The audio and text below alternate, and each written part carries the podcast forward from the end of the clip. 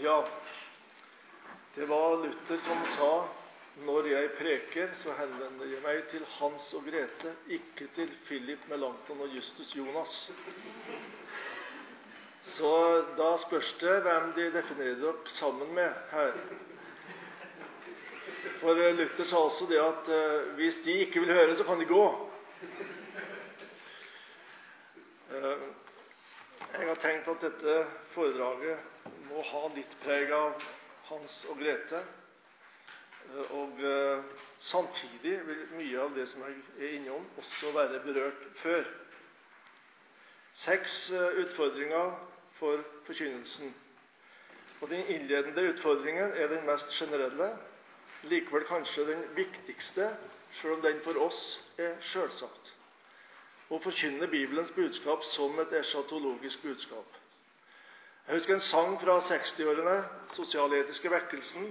Der het det om Jesus han talade mykket om menneskers nød, men litet om himmelens glans. Jeg husker jeg reagerte på det, for jeg var jo vokst opp på bedehuset hjemme med himmelforkynnelse. Men at Jesus tala om menneskers nød og etterlyste barmhjertighet, det er klart.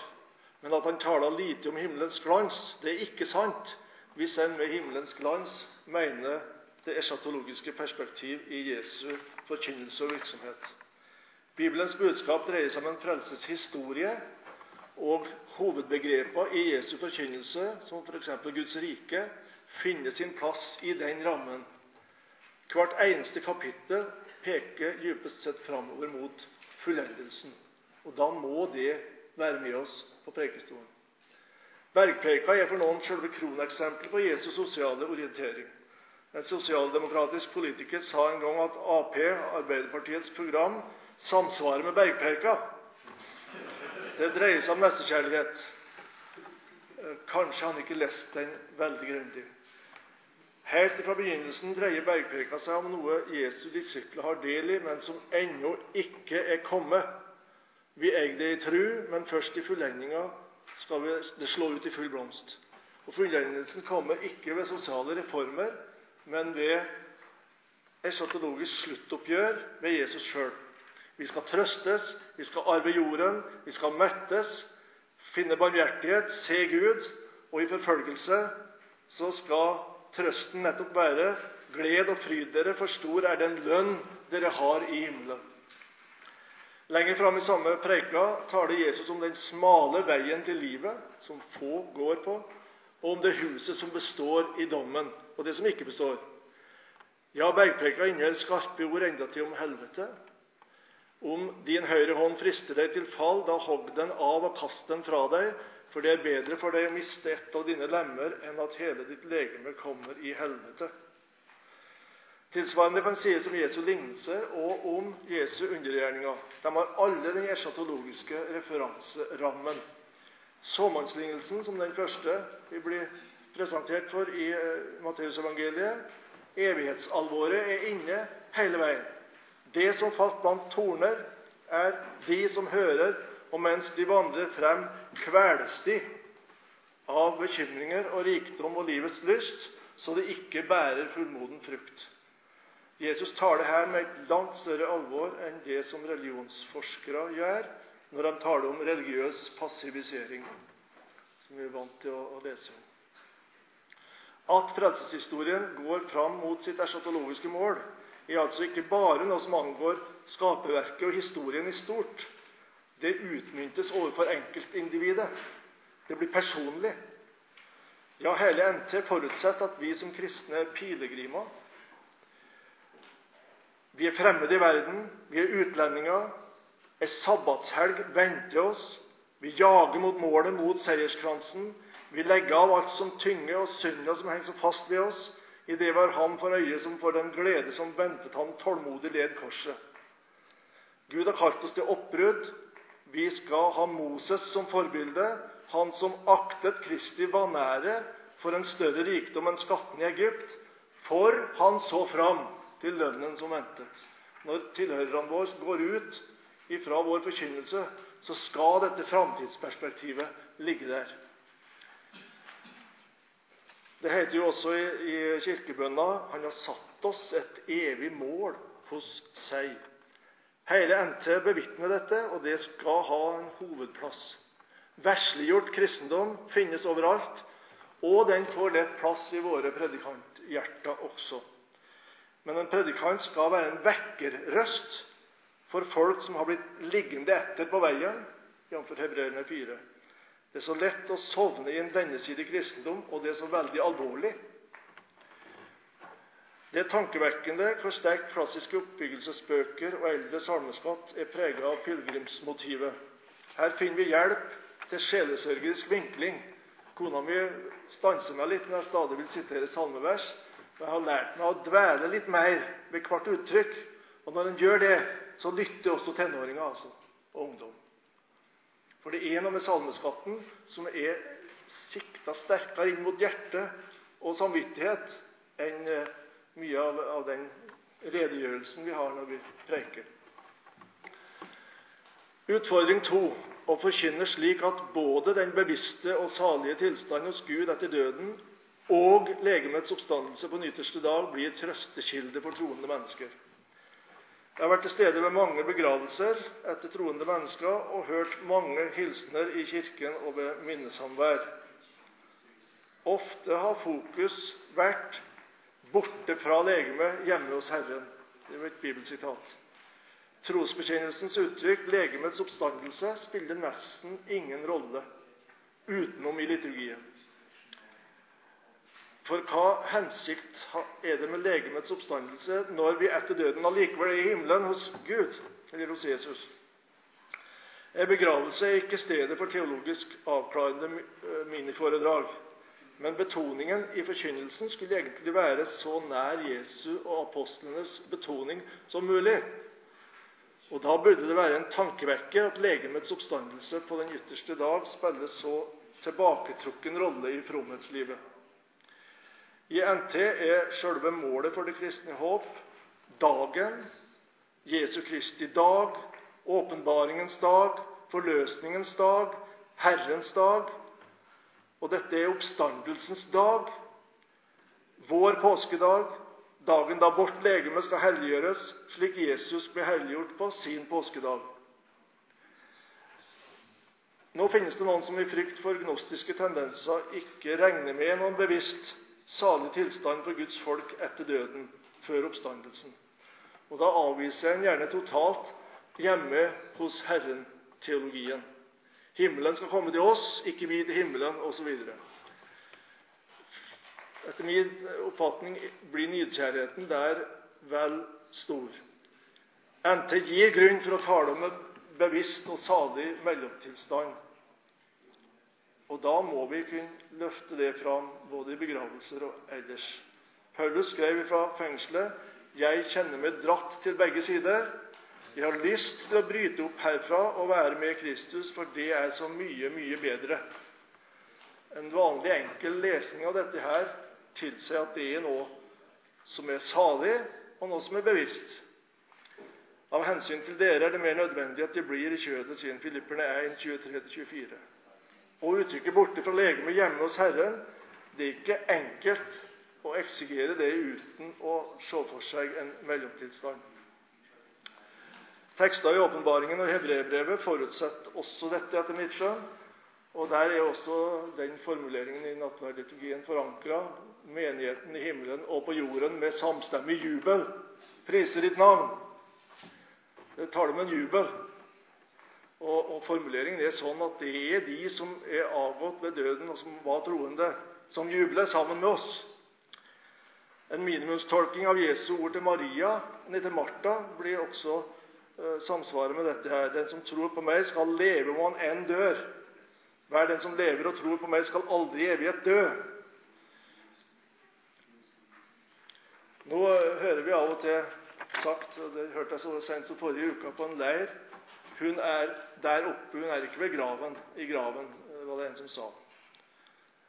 Jeg vil ikke korrigere det. Uh, dere har ikke hørt på Olav Hans Senstads måte å tilrettelegge dette på.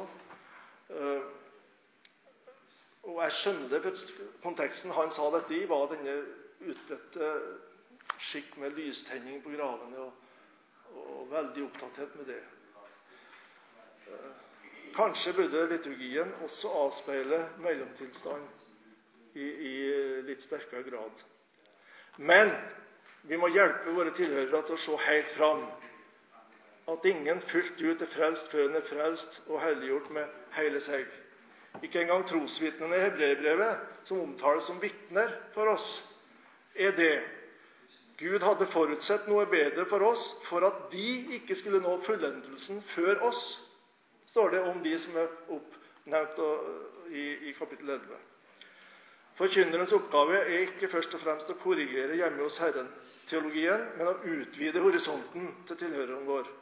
Den endelige forløsning er ikke en forløsning fra legemet, men en forløsning av legemet. Og legemet i vid forstand, som vi hørte i går. En forløsning fra død og forgjengelighet. For når vi her i livet sokker med oss sjøl, er det dypest sett en lengsel etter vårt barnekår, vårt legemes forløsning. Romerne 8, 23. Og Jesus sa jo også 'Jeg skal oppreise ham på den ytterste dag'. Skal forkynneren nå fram med dette, må en bruke Bibelens egne ord og sitere tekster som handler om Jesu Kristi dag, om legemets oppstandelse, og slå en strek under uttrykka. Og Det som ikke forkynnes, havner lett utenfor folks forestillingskrets. Forkynnelsen skal gi tilhørerne eventuelt nye forestillinger å dvele ved, og disse skal igjen begrunnes i Guds ord. Også her er salmeskatten en god hjelp for forkynnelsen. Nå får ikke jeg anledning til å høre Brunvoll i kveld. Det skulle jeg veldig gjerne gjort. Noen av salmene fletter sammen tilstanden etter døden og etter oppstandelsen til et stort bilde. Og mange tolker disse utelukkende om livet umiddelbart etter døden. Derfor bør forkynneren også hente fram andre uttrykk i de samme salmene, som nettopp understreker fullendelsen ved gjenkomsten og oppstandelsen. Brorsonssalmen 'I himmelen, i himmelen' gir anledning til det og legeme og legeme som her ble lagt i muld, skal skinne der, ja, bli så klart, ja, som det rene gull, og vet av ingen bonde mer, nær Herren Sebaot. Vår etter manges mening største norske salmedikter, Magnus Brostrup Landstad, er kalt adventstidens salmedikter. Jeg løfter opp til Gud med sang, det er perlen, og bibelsk språkbruk gjennomsyrer salmen. Forløsningen stunder til. Fikentre skyter blad, en himmel ny så vel som jord. Herrens bolig blant oss her, med hvite kleder som er todd i lammets blod. Men allerede i vers 2 har vi legemets oppstandelse. Da reises av den mørke grav det som var sådd med sukk og gråt. Da er den søvn utsovet. Han synger om fullendelsen, da død, vårt dødelige og forgjengelige legeme oppstår i herlighet og uforgjengelighet, og makter å gjøre dette til en glede. Da skal vi få dvele ved uttrykka i slike salmevers. Landstad taler flere plasser om døden som en søvn. Da de to barna hans døde, så skrev han ja, to av barna, han hadde jo 13, eh, så skrev han 'Jeg vet meg en søvn i Jesu navn' den kveger de trette lemmer. Her ser vi i den salmen hvordan de viktigste motiva forenes. Legemets søvn i graven. Og så bruker han da begrepet 'min sjel er hos Gud i himmelrik, og sorgene sine glemmer'. Eh, jeg vil ikke arrestere ham for bruken av ordet 'sjel', selv om du ikke finner det brukt i en sånn sammenheng i ENT. Søvnen i graven, saligheten hos Gud, omtales begge i samme salme. Og så lar han lyskasteren skinne helt fram. Da treder Guds sønn til gravens hus. Hans røst i all verden høres. Da brytes alt stengsel ned i grus, de dype havsgrunner røres. Han sier, 'Du døde, kom her ut, og frem vi forklaret føres'. Da må det vi sliter med her på jord, frustrasjoner, sykdom, aldring og død, vike. Salmen gir predikanten hjelp til å gi forkynnelsen sjelsorg og hjertenærhet. Utfordring tre å forankre det kristne håp i Jesu død og oppstandelse. I Bibelen kalles Kristi oppstandelse, eller Jesus, for førstegrøden som den oppstandende. Har vi bare i dette liv satt vårt håp til Kristus, da er vi de ynkverdigste av alle mennesker. Men nå er Kristus oppstått fra de døde og er blitt førstegrøden av dem som er sovnet inn. Jesu oppstandelse var apostlenes trumfkort, jf. apostlenes gjerninger, deres store glede. Men vi må utdype det når vi preiker. For det første, Jesu oppstandelse er bekreftelsen på at soningsverket er fullført av Jesus og godkjent av Gud. Og Det er det som gir virkelig trøst i anfektelsen. Anfektelsen, begrepet som er borte fra dagens forkynnelse, kanskje, men saken finnes blant kristne som tar sin kristendom alvorlig. Mon jeg kan nå det skjønne land som snubler gang på gang. Du finner ikke dette i nyere lovsangstekster, men du finner det der folk virkelig kjemper med spørsmålet. Salmediktere som har gjort det. De regner med en hellig Gud, og den som gjør det, og som sjøl er en synder, han kjenner det spørsmålet. Og hvis nå Jesus fortsatt var i graven, da ville vår forkynnelse være intet. Vi ville fortsatt være i våre synder. Anfektelsen ville være total. Men påskebudskapet snur nød til glede. Påskedagens høytidsvers han er oppstanden, store bud. Nå må vi forklare det da, for Bud betyr ikke det er bud og krav, men budskap. Han er oppstandens store bud. Så kommer konklusjonen. Min Gud er en forsonet Gud. Min himmel er nå åpen. Det er fantastisk uttrykt. John Olav Brun sier det omtrent det samme i den klassiske salmen 'Jesus lever, graven brast'. Han sto opp med guddoms velde. Trøsten står som klippen fast. At hans død og blod skal gjelde. Hans død og blod har evig gyldighet, jf. Hebreerbrevet. Da Sverre Aalen i min studietid gikk gjennom Romerne 8, sa han flere ganger at det eschatologiske perspektivet er inne hele veien. Ingen fordømmelse for den som er i Kristus Jesus. Det gjelder her og i dommen. Ingen anklage, ingen fordømmelse. Ikke i dag, for Jesus er ved Faderens høyre hånd som min rettferdighet, jf. vers 34. Ikke i dommen, for han er det da også. Han ble sjøl ramma av alle anklager som jeg kjenner på. En undersøkelse av begravelsestallene for noen år siden i Oslo konkluderte med at den objektive forsoningslæren svært sjelden var inne i bildet. Prester kunne tale om Jesu kamp og seier over døden, men ikke om hans soning for synden. Eh, Luthers preike om å forberede seg til å dø har et litt annet preg, selv om kampmotivet er sterkt inne. Han forener motivene. Han taler om at djevelen heller opp bildet av synden, døden og helvete. Og så gir evangeliet oss et annet bilde av nåden, livet og himmelen. Og det må du holde opp for djevelen, du må holde opp for deg sjøl imot djevelen. For det andre, under punkt tre Påskedagens Jesus er nettopp garantien for min egen oppstandelse. Dette skal ikke bare ha plass i begravelsestaler, vi preker til mennesker som plages med jevnlige sykdommer, sånn som Timoteus gjorde, og noen i forsamlingen her gjør. Som kjenner at kroppens krefter tappes, at alderen svekker både den ene og den andre livsfunksjonen, at smerte jager gjennom nervesystemet, at angsten snører seg i brystet, at tablettene er på nattbordet. Og så kanskje noen har hørt noen måneder igjen å leve. Det er realistisk når vi preiker til folk over tid. I møte med disse tragiske realitetene under syndens og dødens lov skal vi forkynne at vi er forent med Kristus ved dåpen til døden og oppreist til et nytt liv.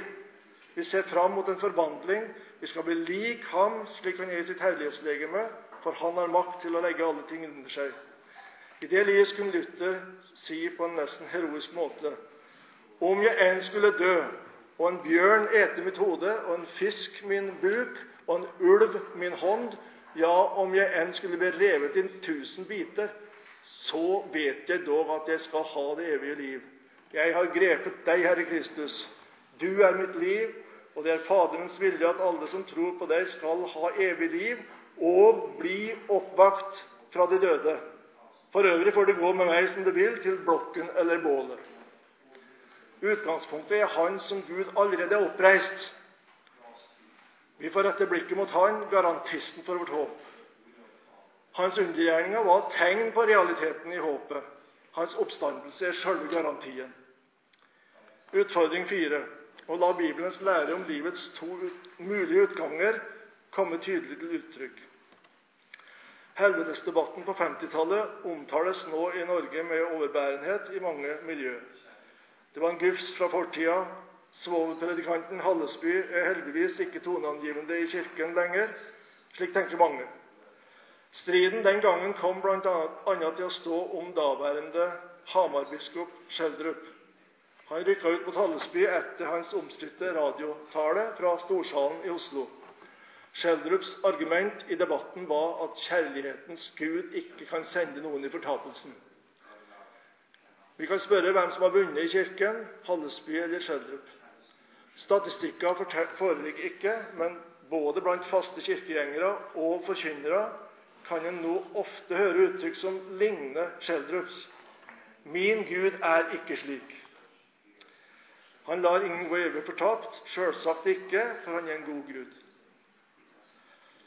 Og Inn i dette bildet tror jeg også at den nye alternative gravferdsliturgien fra 2002 føyer seg. Uten videre sies det inngangsorda Sammen vil vi overgi ham, henne, i Guds hender.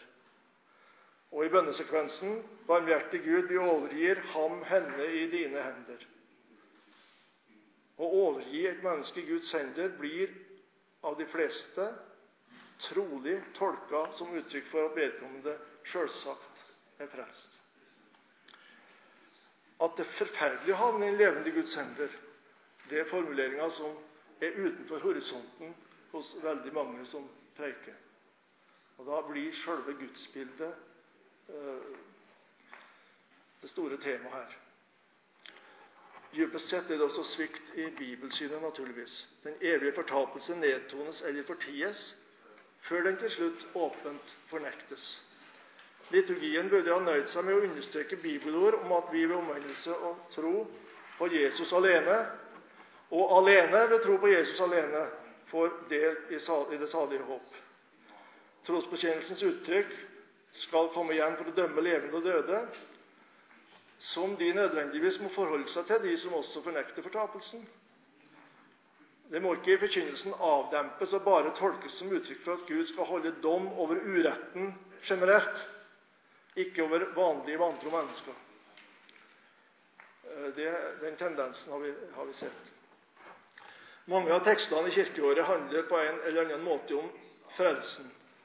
Men hvis ikke den riktige bibelske referanserammen er der, vil enkeltformuleringer i tekstene bli brukt til utenomsnakk.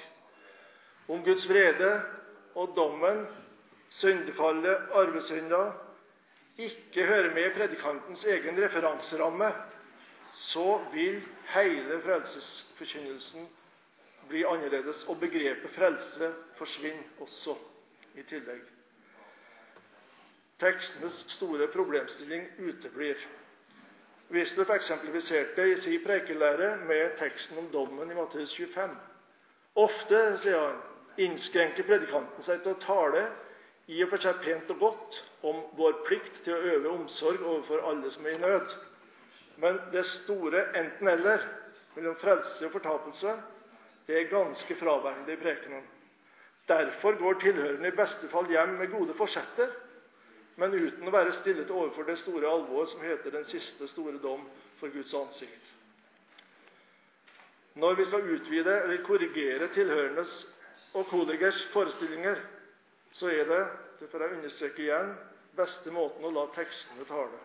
Den lille Bibelen er heldigvis med i liturgien og eh, gir predikanten mulighet til en korrigering ut ifra et varmt utgangspunkt. Den som tror på Ham, skal ikke fortapes, men ha evig liv. Fortapelsen forutsettes, frelsen forkynnes. Referanserammen må tegnes sånn at frelsesbudskapet blir riktig forstått. Forkynnelsen skal være i bevegelse bort fra det allmennreligiøse, så jeg nylig i, en, i den boken til Wisløff. Noen ganger forutsetter tekstene at en må ta fortapelsen opp som eget deltema i preika. Det går ikke an uten at predikanten sjøl lar seg gripe av smerten. Det går an å, tvinge seg sjøl til å tenke på noen i ens nære familie som ikke er frelst. Bare den tanken, som kan være rystende, gir hjelp til å finne en måte å si det på som ikke blir sånn som Tore Tungland, en av våre ledere, sa å slå i kjøtt. Sa det Ryfylke fortalte i vekkelsestidene. Det var noen predikanter som slo i kjøtt. Det betyr at de skulle være radikale og vise at de våga å forkynne om fortapelsen og loven med grelle farger. Og noe av det som vi hørte i går kveld også, nesten en skadefryd, altså. I verste fall.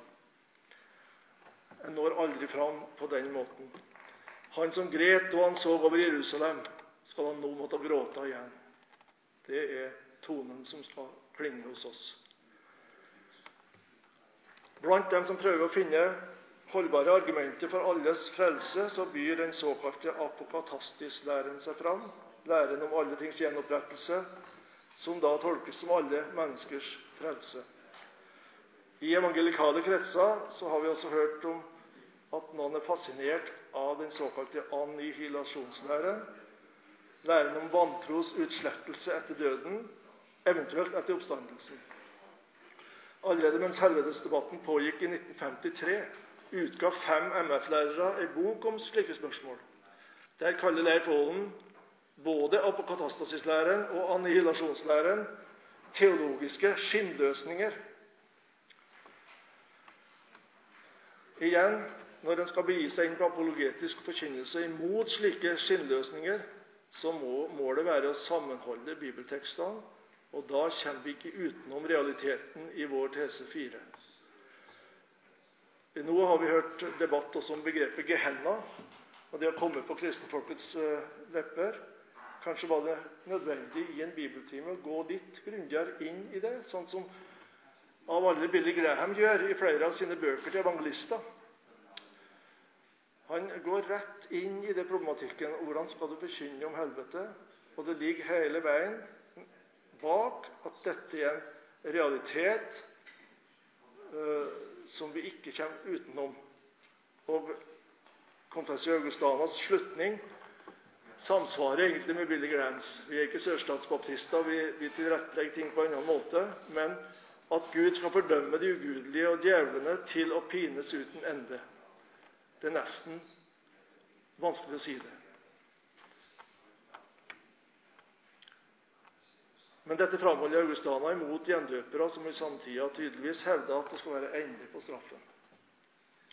Da jeg gikk på søndagsskolen, lærte vi en sang som både understreker at veien til livet er smal, men at den nettopp er en vei til livet, og at det er mulig å gå den i trygghet og glede.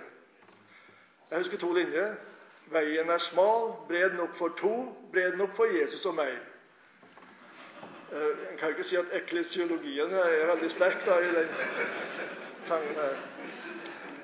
Men uh, uttrykksmåten fester seg, og det er mange titalls barn som har det inni seg på min alder, som gikk på søndagsskolen, og som aldri kanskje har gått på noe kristelig etter den tid. Men det ligger der. Kristne er på vandring. Det koster å være en kristen, men også at, hvordan det er å dø og oppstå med Kristus. Barneforkynnelsen står i dag i fare for å bli værende på skapelsesplanet. Gud er far til alle, og jorden er vårt sted, og alle verdens mennesker de er vi venner med. Det var en flott sang, da. Men en må vite hvilket plan en opererer på når en eh, synger og lærer barna dette her. Det alvorlige skillet mellom frelst og ufrelst, som kunne betones på en uklok måte i vekkelsestidenes søndagsskoler, de synes nå å være helt ute for horisonten i mange miljøer. Nå snakker jeg ikke om søndagsskolen generelt. Gudsbildet barna har fått med seg, gjør at de selvsagt mener at alle kommer til himmelen når de dør. Og Det er ikke lett å være søndagsskolelærer. Jeg kommer ikke til å gi dere svaret på hvordan dere skal takle det når barn spør om bestemor. Men igjen er det avgjørende at referanserammen for evangelieforkynnelsen er klar. Også barna må tilpasse sitt aldersnivå få med seg at synd og syndefallet er frelsesbudskapets forutsetning, at Jesus for sin egen døds skyld tar imot oss i dåpen, og at vi skal få leve i tro på Han og gjennom det være tilgitt alle våre synder og, og ha målet klart. Og Både for barn og voksne må vi med oppriktig glede løfte fram tekstene om det nye Jerusalem, om de frelstes lovsang i himmelen, om saligheten for Guds og lammets trone, om den nye himmel og nye jord, og lese om alt som ikke er der. Det er ikke mye vi kan si veldig konkret. altså Det var i går nevnt som edelsteiner og gater og gull osv. Vi kan iallfall si noe som, nokså konkret om ting som ikke er der, sånn som åpenbaringen gjør. Smerte, sorg, tårer, forfølgelse, sykdom, angst, død, synd. Og det skal ikke være lenger noen forbannelse, for Guds og lammets sone skal være i staden, og hans tjenere skal tjene ham. Åpenbaringen 22. 5. Utfordring 5 å unngå at de eschatologiske hovedtema som betones i den apostolske trosbekjennelsen, kommer i skyggen av spennende, men usikre teorier om endetiden. Forkynnelsens hovedfokus må være håp og våk. Har De hørt om bokserien 'Left Behind'? 65 millioner eksemplar er spredd av de bøkene. Mange fanga inn av den endetidsforståelsen som serien er prega av. Det hørte vi i går kveld. Tekster fra Jesu endetidstale, første Tessalonikerbrev, Daniels bok, kobles sammen med tekster av Johannes' åpenbaring på en eiendommelig måte. Og brikkene tas ut av sin kontekst, og så lages det et puslespill.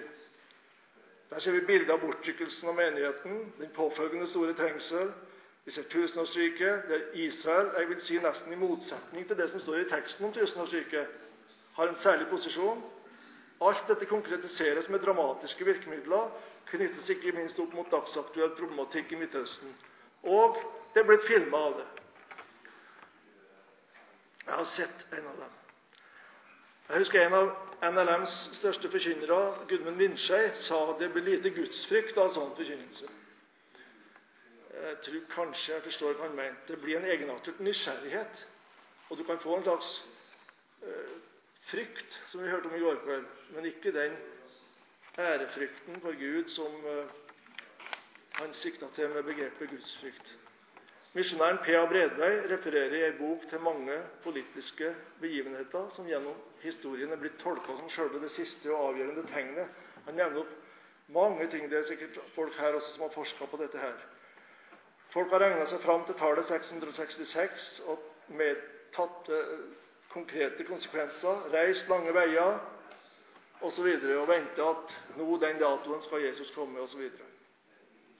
Hvis denne sensasjonelle og tidsbestemte forkynnelsen omkring Jesu gjenkomst fortsetter, sier Bredvei, er det å frykte at gjenkomsttanken vil bli like utvannet som dommedagstanken ble for en mannsalder siden. Straks noe uvanlig hendte på den tiden, var det bud om dommedag og verdens ende. Dette skrev han i 1954. og Da er vi altså tilbake til mellomkrigstida igjen.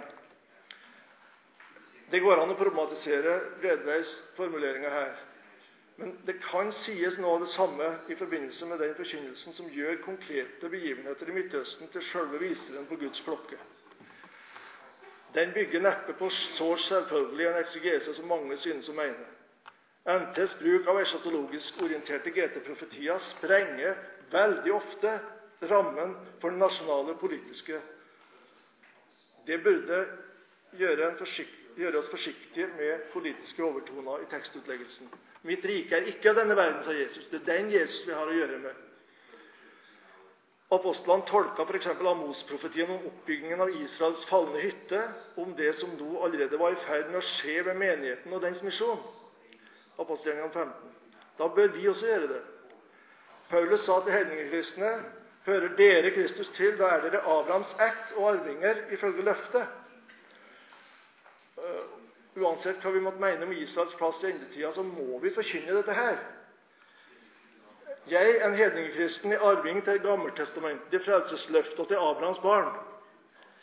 Og Visjonen om det nybygde tempelet i GT oppfylles når jøder og heidninger blir frelst og knyttes sammen i menigheten. Det bekreftes ikke bare av hebreerbrevet, men hele til lærere.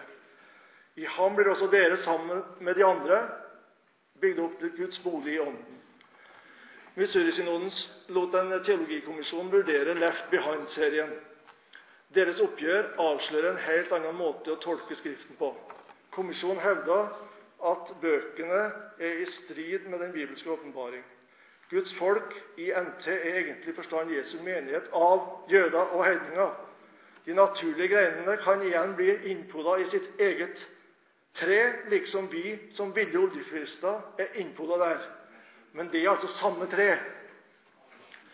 Missouri-synodens syn på landløftet synes å være at det i sin helhet er nytolka i NT og bare dreier seg om den arv som de troende, uavhengig av etnisk tilhørighet, skal få del i. Jeg deler neppe deres syn fullt ut. Når Israel samles til sitt land, har de i én forstand med Guds frelsesplan å gjøre. Men da dreier det seg ikke om landegrenser, men det dreier seg om at Gud har et mål om å, om, for evangeliet blant det jødiske folk. De trekk ved endetiden som Jesus i endetidstalen kaller veer, er trekk som gjennomgående gjennom hele historien. Men veene tiltar i hyppighet og kraft, liksom hos en fødende kvinne. Fødselen er hans gjenkomst til dom, oppstandelsen og den nye himmel og den nye jord. Det han Jesus kaller verdensgjenfødelsen. Jf. debatten vi har i går etter Sidenvalls eh, innlegg. Disse veene skal være det de er tilsikta å være, varsla om menneskesønnens komme, og skal etterfølges både av 'vær rede' og 'se frem'. Hvis andre spekulasjoner dominerer når folk går ut døra, så har vi forkynt feil. Vi skal nettopp mane oss til ikke å spekulere, men våke. For vi veit ikke dag eller time. Som kristne i tidligere tider skal vi la katastrofer og lignende både være kall til kjærlighetens gjerninger for dem som rammes, og varsler om dagen som nærmer seg. Jeg har ikke tatt meg tid til grundige studier i åpenbaringen, heller ikke i forberedelse til dette her. Jeg er klar over at Missouri-synodens løsning, den såkalte amillennianismen, ikke er den eneste forsvarlige forståelse av disse tekstene her. Men for meg som praktisk teolog er det likevel blitt mer og mer viktig å understreke de grunnleggende synspunkt i Nytestamentets eschatologi slik vi finner dem i trubekjenninga, og stadig framholde dem i forkynnelsen. For hvordan enn snur og vender på det, så er trosbekjennelsens uttrykksmåte skal komme igjen for å dømme levende og døde, syndenes forlatelse, legemets oppstandelse og det evige liv hovedmoment. De skal være referanserammen også når vi beveger oss inn på de temaområder som er mer dunkle, og som ikke, så, ikke så entydig kan proklameres som sannhet. Ja, sannhet skal det proklameres som, men, men uh, hvordan vi utlegger det, løsningen på det. F.eks. Antikrist, Israel, mellomtilstand, tusenårsriket osv. Håp og våk og tema for denne konferansen. Vi kan føye til trøst av hverandre med disse ord, ikke skrem av hverandre.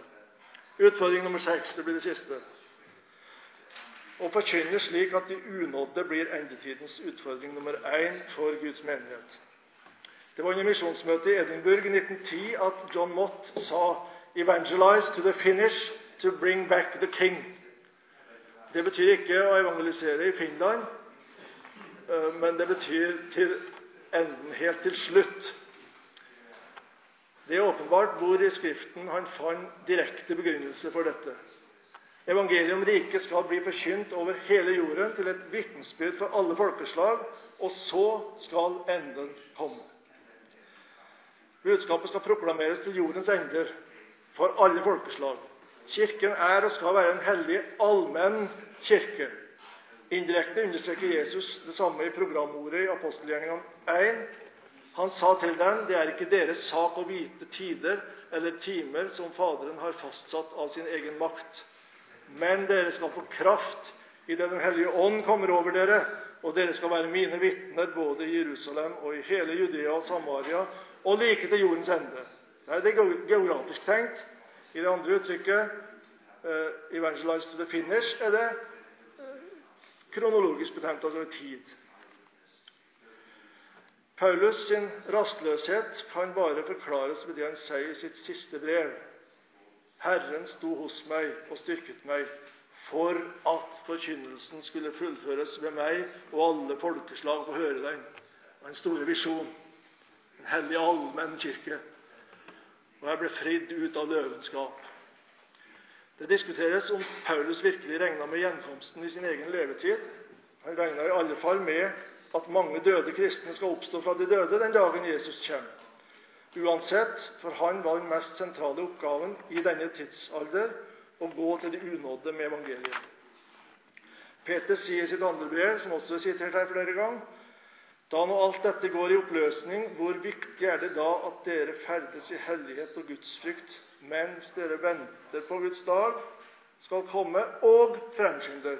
Det er både en passiv og en aktiv holdning her. Mens vi venter og fremskynder.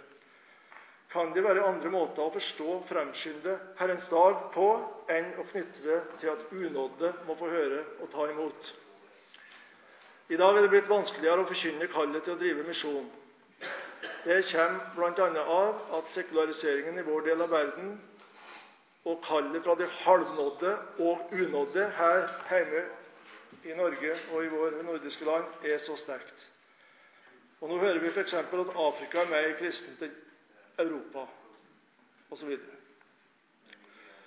Det gjør noe med måten vi forkynner misjonær og misjonskall på, og misjonsbegrepet tradisjonelt sett er opplagt. Og vi må, både i strategi og tenkning om å nå ufrelste mennesker, gjennomtenke dette her. Men vi må ikke bli kortsynt Millioner på millioner har fortsatt aldri hørt så mye kristendom at de har fått muligheten til å ta imot. Det er altså Jesus opptatt med. Det er helt klart. Og den opptattheten vil han forplante videre inn hos oss. Vi skal virke både i vårt Antiokia og sende noen fra vårt Antiokia. Jesus sa, 'Gå derfor ut til veikrysningen og be inn til bryllupet alle som dere treffer på.' Bruker samme verbet som i misjonsbefalingen 'gå ut' på Revomar. Vi kalles til å være i bevegelse med invitasjon. Nå går jeg inn for full landing. Veksels skrev en salme om misjon som er annerledes enn de misjonssalmene vi ofte synger. Vi har salmer som 'Skund deg Guds folk' og 'Reis Guds menighet, reis deg opp, osv. Veksel skriver en salme uten et eneste utropstegn. Det er ikke imperativ av det hele tatt, men det er den sterkeste misjonssalmen for meg, syns jeg. Og tenk når en gang samles skal de frelstes menighet av alle folkeslekters tall i himmelens herlighet. Og tenk, og så går han inn på når Herrens vitne her, de som har kryssa grensene Når de møter dem som ble nådd, og blir sammen med flokken. Å, tenk! Det er også noe som våre tilhørere skulle ha med seg ut døra. Å, tenk!